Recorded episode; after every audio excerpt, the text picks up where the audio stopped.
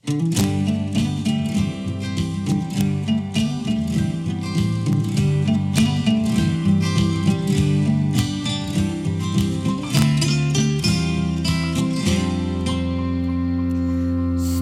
energikrävande industrier etablerar sig i norra Sverige. Befolkningen ska öka snabbt och kraftigt och samtidigt så pågår det en allmän elektrifiering av samhället. Hur ska vi klara energibehovet de kommande åren och kommer utbyggnaden av elnätet att hänga med? Det ska vi prata om idag. Regionpodden sänder live från Almedalsveckan och temat för dagen är Kommer elen att räcka? Jag heter Elin Leijonberg och med mig på scenen här har jag Rickard Gegö som är VD på Sveriges Åkeriföretag. Eh, per Eckermark, divisionschef Nät, Svenska kraftnät. Ja. Och Joakim Nordin, VD på Skellefteå Kraft. Välkomna till Regionpodden. Tackar, tackar. Tack, tack. Joakim, mm. just nu så pågår etableringen av eh, batterifabriken Northvolt i Skellefteå. Det här är en industri som kommer att sluka stora mängder energi. Eh, hur har ni hanterat det här från Skellefteå Kraft? Ja, hur har vi hanterat det? för det första har vi verkligen jobbat för att möjliggöra för stora elintensiva industrier att komma till Skellefteå. Det har vi gjort under lång tid. Vi var ju väldigt tidigt på, på Skellefteå Kraft att investera i vindkraft till exempel. Och vi gjorde också slag i saken tillsammans med Svenska kraftnät och investerade tillsammans i en stamnätsstation som skulle möjliggöra för mer vindkraftsetableringar tidigt 2010-tal. Och det ska jag vilja säga är som grunden som har, som har möjliggjort för sådana här industrier. Det var egentligen eh, investeringar som var gjorda för att ta emot vindkraft, men det möjliggör ju å andra sidan precis lika mycket konsumtion. Så att eh, det var väl det vi har gjort först. Sen ska man väl säga att från det att Northvolt tog beslut 2017 fram tills nu så har vi investerat otroligt mycket i vårt regionnät och även i vårt eh, lokalnät i Skellefteå. Så att, eh, det är en ständigt pågående investeringsvåg som är åtminstone tre, fyra gånger högre än vad vi hade haft normalt historiskt. Så att, eh, vi, vi fortsätter att möjliggöra för fortsatt eh, elektrifiering av Skellefteå och för att kunna ta emot alla industrier runt omkring Northvolt också. För det är ett batterikluster vi pratar om, det är inte bara en fabrik. Och vilka utmaningar ser du då? Vilka, vad står ni inför här nu närmast? Alltså jag, jag måste säga att just nu så ser jag ju mest bara möjligheter. Det finns en, en stor utmaning och det är att det som, det som Per och Svenska kraftnät har, har lovat det är att bygga ut stamnätet längs Norrlandskusten för att möjliggöra för både Northvolt och övriga industrietableringar i norr. Och det ska vi göra tillsammans på halva, halva tiden mot vad man gör normalt. Och det kan man väl säga att det i sig kommer att vara en, en utmaning. Men besluten är redan fattade. Alla beslut är fattade. Nu är det bara att se till att genomföra det också. Och det är ingen som har gjort förut i Sverige byggt så snabbt. Så det är väl en stora utmaning. Mm. Vad säger du då Per? Regeringen har gett okej nu för 8,4 miljarder ja. Eh, för investeringar. Vad innebär det? Det innebär att vi kan möjliggöra ungefär 2000 megawatt mer i uttag då i stamnätstationen i Boden tillsammans med den eh, inmatningen mot Skellefteå. Då.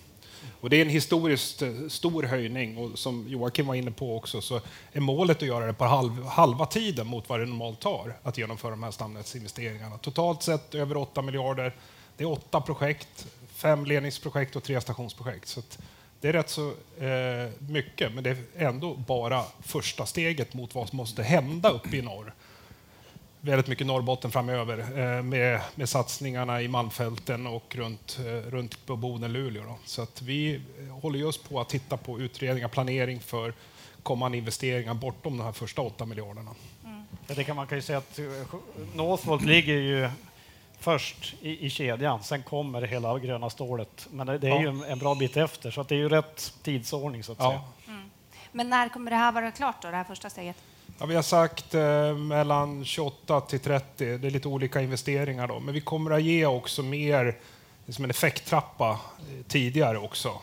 Vi har en viktig ny investering också, en ny ledning mellan Messaure eh, vattenkraftstation och till finska gränsen och in på, på, till Finland. Så den nya ledningen som är 19 mil på svenska sidan eh, kommer att göra att vi kan höja effekten successivt också, i, framförallt i Boden. Då.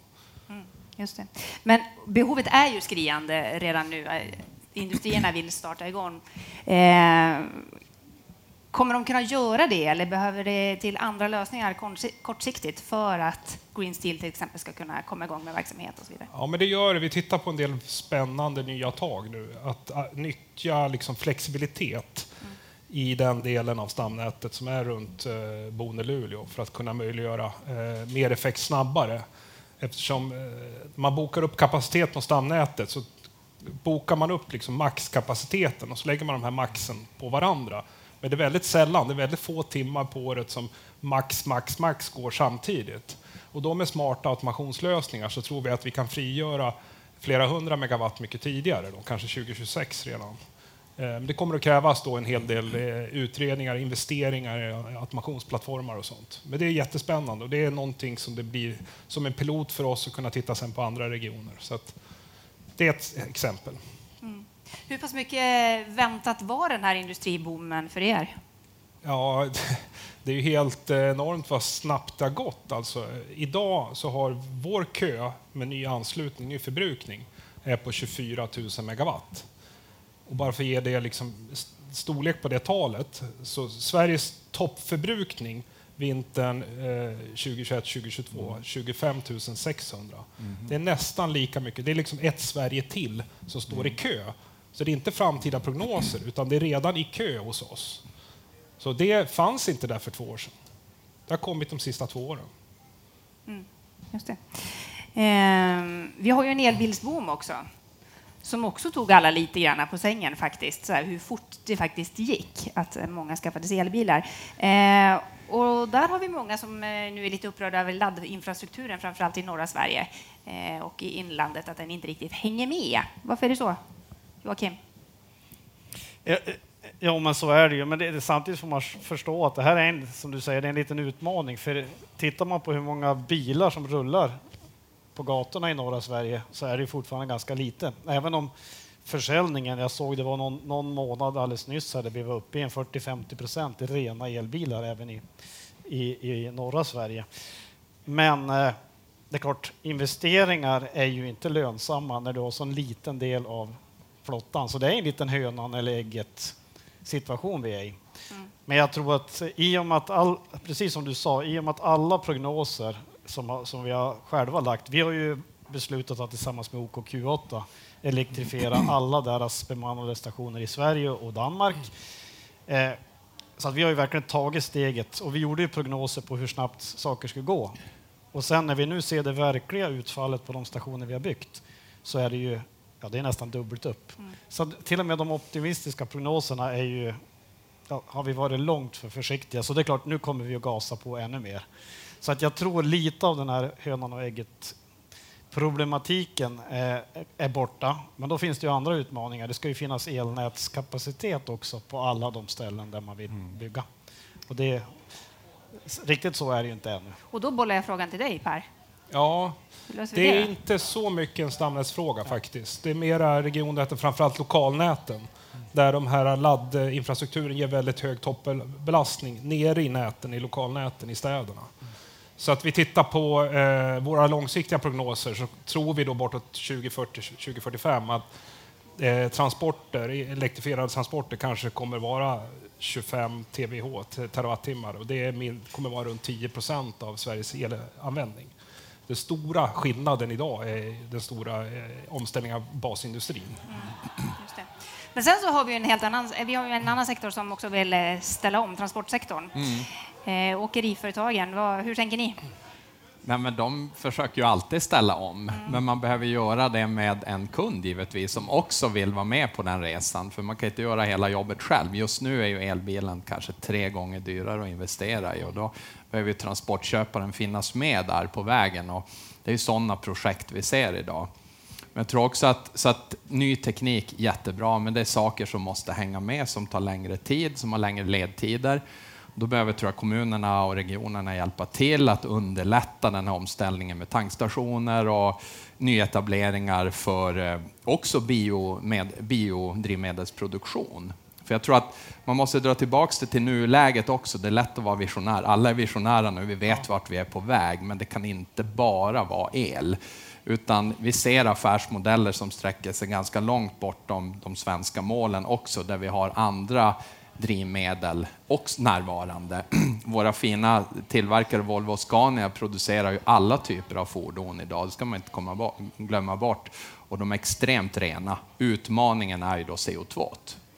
Så vi, vi är med så länge affären går ihop, så länge infrastrukturen är där, så länge det inte tar allt för lång tid och kostar för mycket att tanka. För det ska ju tankas även i fortsättningen. Och det är många aspekter på det. Vad tror du mest på då? När det gäller eh, tunga transporter? Alltså jag, Elektrifiering känns... eller andra gröna bränslen? Ja, andra gröna bränslen tror jag. Ja. Biodriv, vätgas, väldigt ja. lämpligt för de tunga transporterna. Jag menar, Sverige är ju ett beredskapsupprustningsläge också. Ja. Där funkar ju inte elen. Det är alldeles ypperligt med biodrivmedel även där. Ja. Och det är det enda vi kan lagra också i dagsläget i tillräcklig mängd. Liksom. Och det är mindre sårbart. Jag tror att vätgasen, biodrivmedlet, kommer finnas med ganska länge och här har ju svensk, Sverige en enorm konkurrensfördel, tror jag. För vi skulle kunna producera mer biodrivmedel. Och, mycket eh, grön vätgas. Också och mycket grön vätgas. Så att elen kommer, men det är framförallt på det lättare segmentet. Det finns försök på tyngre segment också. Men det beror på. Sverige, ni var ju inne på det, Sverige är väldigt olika. Ja. Eh, och förutsättningarna ser olika ut. Eh, men om man då ser till eh, de lättare fordonen som skulle kunna gå på el, eh, finns den infrastrukturen nu för att man ska kunna ställa om, om vi pratar norra Sverige? Det beror lite grann på. Nu, vet, nu kan ni det här bättre än mig, men var går getingmidjan i Sverige? Är det Gävle någonstans? Mm. Typ. Så, så det är lite nord och syd liksom, där, för, när det gäller förutsättningar för att tanka.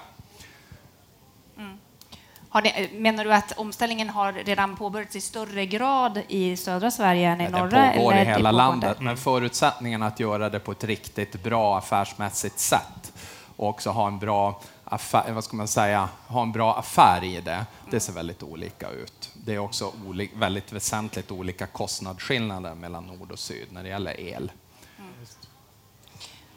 Jag tänker, ni prat, vi pratade ju om industrierna här inledningsvis och det är klart att de har ett väldigt stort fokus. Eh, kommer det att finnas kapacitet att snart, inom de närmsta åren, hjälpa till att skapa den här infrastrukturen för att även transportsektorn ska kunna ställa om?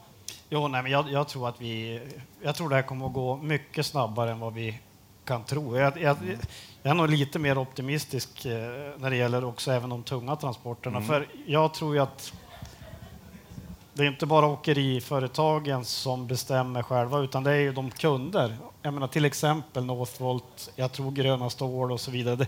De kommer att tvingas, eh, eller välja, att ha hela sina värdekedjor gröna.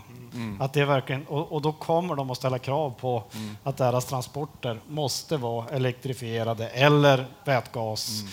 Eh, som jag, jag ser ju vätgas också som elektrifiering. Det, menar, det, det är ju, eh, så jag tror att det kommer att gå snabbare än vad man tror eh, att komma bort även från de här biodrivmedlen, även om jag håller med om att det, alltså de investeringar som redan är gjorda måste man ju nyttja.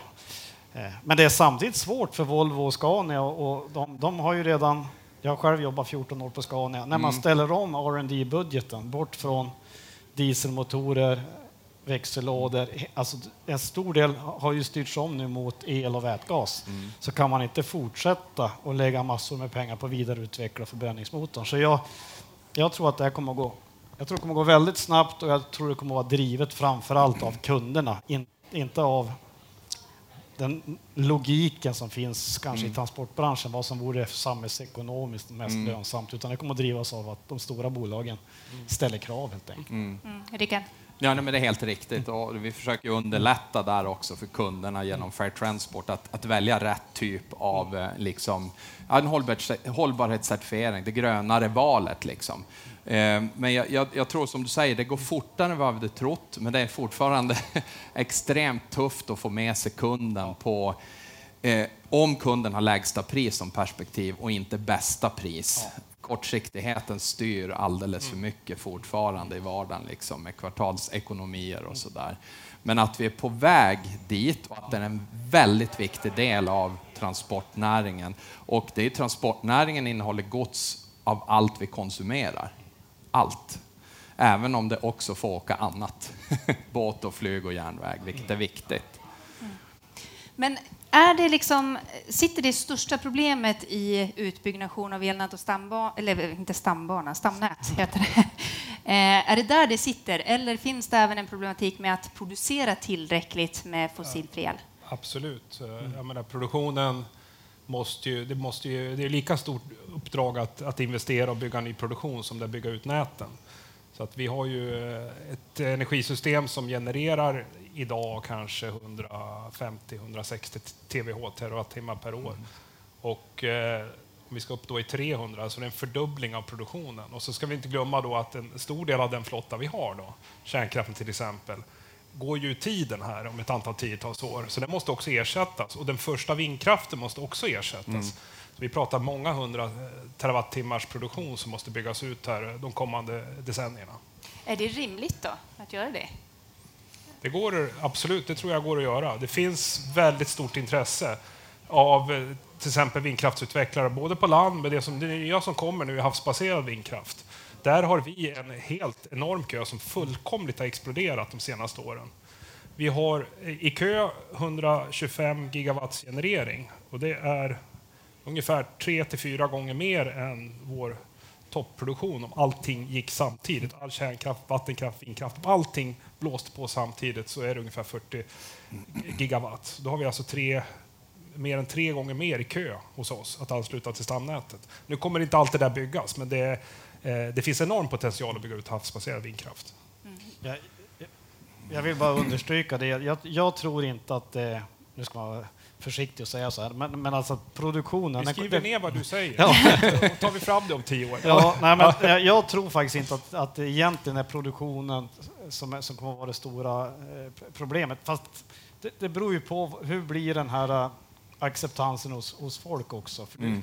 I norra Sverige har vi ju inte haft något problem egentligen, något större problem att kunna bygga mer vindkraft. Nej. Man ska komma ihåg att tittar du bakåt hur det ser ut så vår nettoexport från Sverige ökar ju bara. Man säger om den här elbristen, det är ju egentligen precis tvärtom.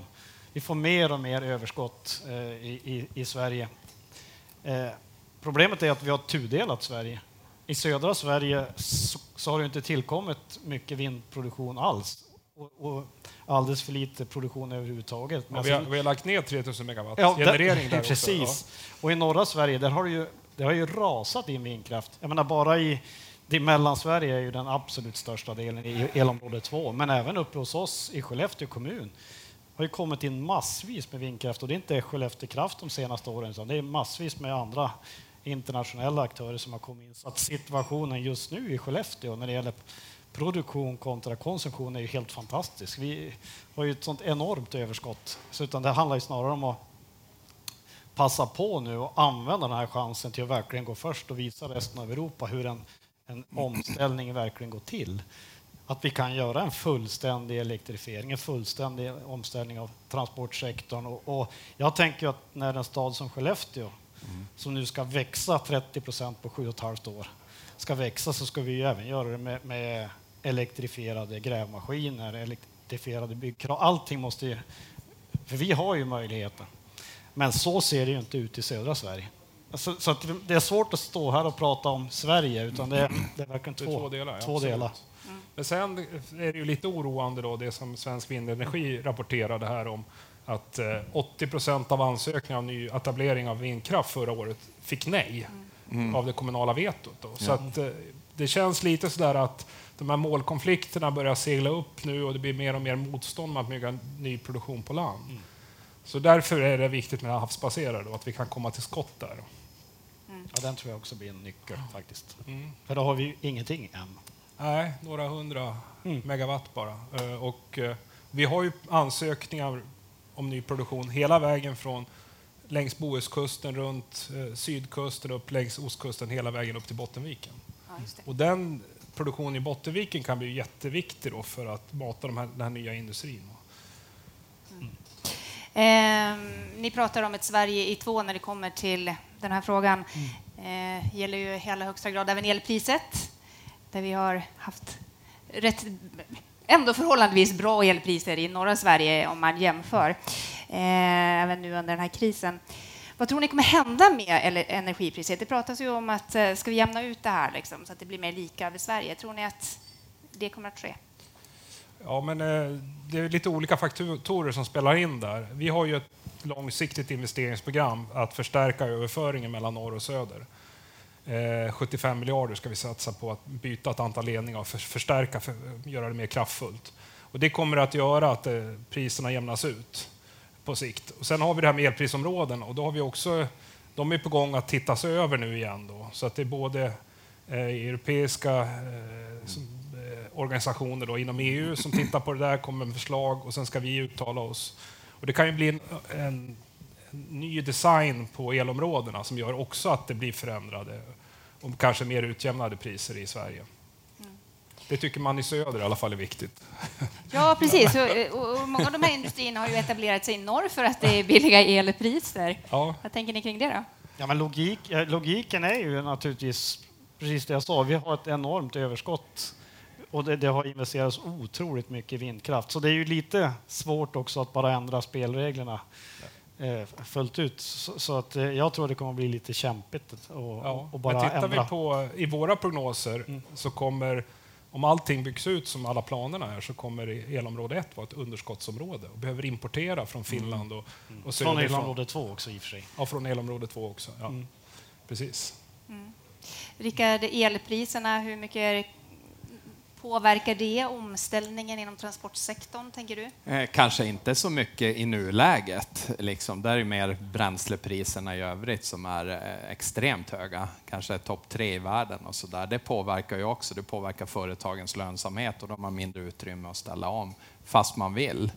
Eh, men vi pratade om det här vad som driver på kunden, men vi är också med i en liten organisation som heter EU.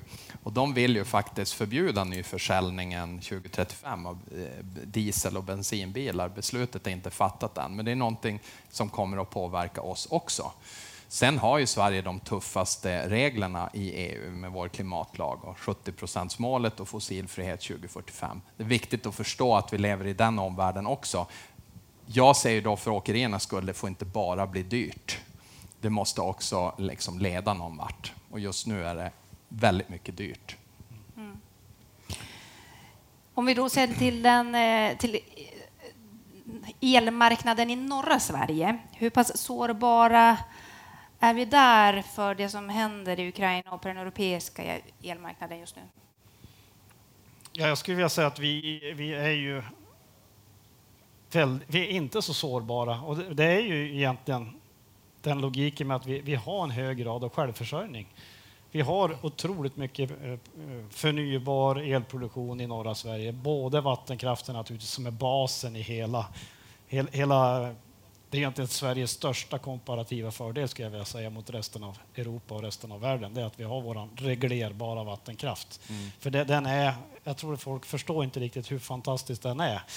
När jag träffar folk från Europa, som jag gjorde förra veckan, från, från hela alla EU-länder, så tror de att de tror fortfarande att vattenkraften är någon slags baskraft som man lägger på som kärnkraft och vattenkraft. Men det är precis tvärtom. Det är ju vindkraften och kanske sol som kommer in som, som en baskraft. Och sen har vi vår vattenkraft som ser till att hantera all den här volatiliteten som vi har med väderberoende kraft. Mm en enorm styrka.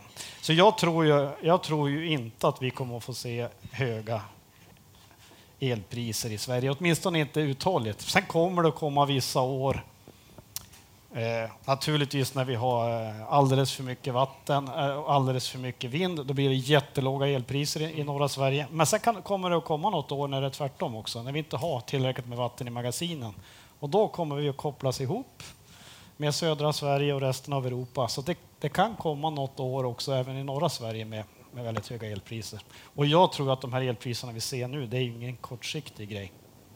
Alltså det är inte så att det här med Ukraina och Ryssland och det här kommer inte att, att vara någonting som går över snabbt. Nej, det kommer ju ta, ta flera år att ersätta Mm. den eh, ryska gasen som står för 40 procent i Mm. Europa. Så att det, jag håller helt med. Det kommer, ta, det kommer bli jobbigt ett antal år här för Europa när det gäller Mm. Försörjningstryggheten och med, när det gäller priserna på el. Mm. Rickard? Det får vi nog ställa in oss på, jag håller med om det. Och jag tror nog att eh, flera politiker talar om någon form av skattereform. Jag märker att mycket av det här är skattepolitik som vi faktiskt pratar om. Och man kommer behöva göra någon översyn när man tappar intäkter på den fossila sidan så måste man ju hitta andra skatteintäkter för AB Sverige. Liksom. Så där kommer vi se sto ganska stora förändringar och eh, eh, nya skattesystem. Man kanske betalar skatten vid tankningen, mm. eller hur? När man tankar el, vem vet? Mm. Vi får se. Mm. Eh, vad tror ni om solkraften i norra Sverige? Då? Ni har ju ja. faktiskt gjort försök ja. med, kan man, kan man eh, ja, ha solkraft man på en plats där solen aldrig lyser? Precis, ja. och, och, det har vi, det och det har vi visat att vi, att vi kan också naturligtvis. Men då handlar det om att kunna lagra och då, vi har ju provat med vätgas och det, det fungerar ju. Men jag, och, och, det jag kan säga så här, det, det säljs mycket solinstallationer eh, i norra Sverige också. Men det som exploderar nu, det vi ser på Skellefteå Kraft, det är ju södra Sverige. Och det är ju inte svårt att förstå. Alla kalkyler när du har elpriser på 3 kronor, 4 mm. kronor, 5 ja. kronor gör ju att, eh, att det är fantastiskt att investera i sol. Och nu är ju bara utmaningen då, vilket jag i och för sig tror inte är så långt bort, det är ju att vi som energibolag eller andra spelare som kommer in och kan aggregera ihop den här produ decentraliserade produktionen så att den verkligen kan användas och stödja elsystemet. Då börjar vi hitta vägen till åtminstone någon form av lösning för södra Sverige också. För, för det är klart, just nu eh, historiskt har det inte bara varit positivt att få in ny, ny solenergi decentraliserad i södra Sverige när inte lokalnäten är egentligen byggda. De är inte dimensionerade för det. Nej. Precis. Vi ser också ett antal större solparker som mm. ansöker om anslutning också i, i norra Sverige, SE1, elområde 1. Ja, just det. Mm. Spännande. Mm. Eh, hörni, tiden går fort. Jag tänker avslutningsvis, ni har ändå låtit ganska optimistiska här, men jag ställer frågan.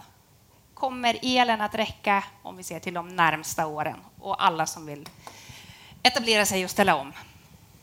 Jag vill då säga att i Skellefteå kommer det definitivt att räcka de närmsta åren. Så jag, jag känner mig, jag har bra självförtroende. Ja. sitter på så mycket produktion där, Skellefteå Kraft. Ja. Att, ja. ja. men eh, det kommer ju räcka alla, de allra flesta timmarna på året. Problemet blir ju när det blir den här kallaste timmarna och vi har topplast. För då har vi inte tillräckligt mycket effekt i Sverige och då är vi beroende av eh, import från grannländerna. Och då gäller det att det finns el att tillgå i grannländerna. Så vi har visat i vår kraftbalansrapport att vi har ett underskott en normal vinter på ett par tusen megawatt och en tioårsvinter ungefär dubbelt så mycket. Så att, eh, lite kärvare har det blivit de senare åren med just det här att hantera, eftersom vi har så mycket väderberoende. Då. Mm. Och en kall dag är det oftast vindstilla, så vi räknar med att vindkraften producerar kanske bara 10 procent av den installerade effekten en kall vinterdag. Just det. Mm. Och Rickard, när kommer, ja, den stora... Precis, när kommer den stora omställningen eh, för åkeribranschen, tror du? Nej, men jag tror den pågår hela tiden. Jag tror inte att det är någon sån där eh, gyllene kula som bara vänder på allting. Vi är i paradigmskiftet nu. Men elen kommer räcka till de som bäst behöver den, tror jag, men det behövs de här komplementära drivmedlen också ganska lång tid framöver. Mm. stort tack för att ni var med i Regionpodden. Imorgon då kommer vi att prata om livsmedelsproduktion i norra Sverige och vi ställer oss frågan om maten kommer att räcka framöver. Hur ska vi bli mer självförsörjande på hållbara livsmedel, värna närproducerat och vad blir konsekvenserna av livsmedelsinflation, krig och ändrade klimatförhållanden? Stort tack till alla er som har följt oss där hemma och stort tack också till dig som har lyssnat på den här podden. Vi hörs och ses imorgon igen.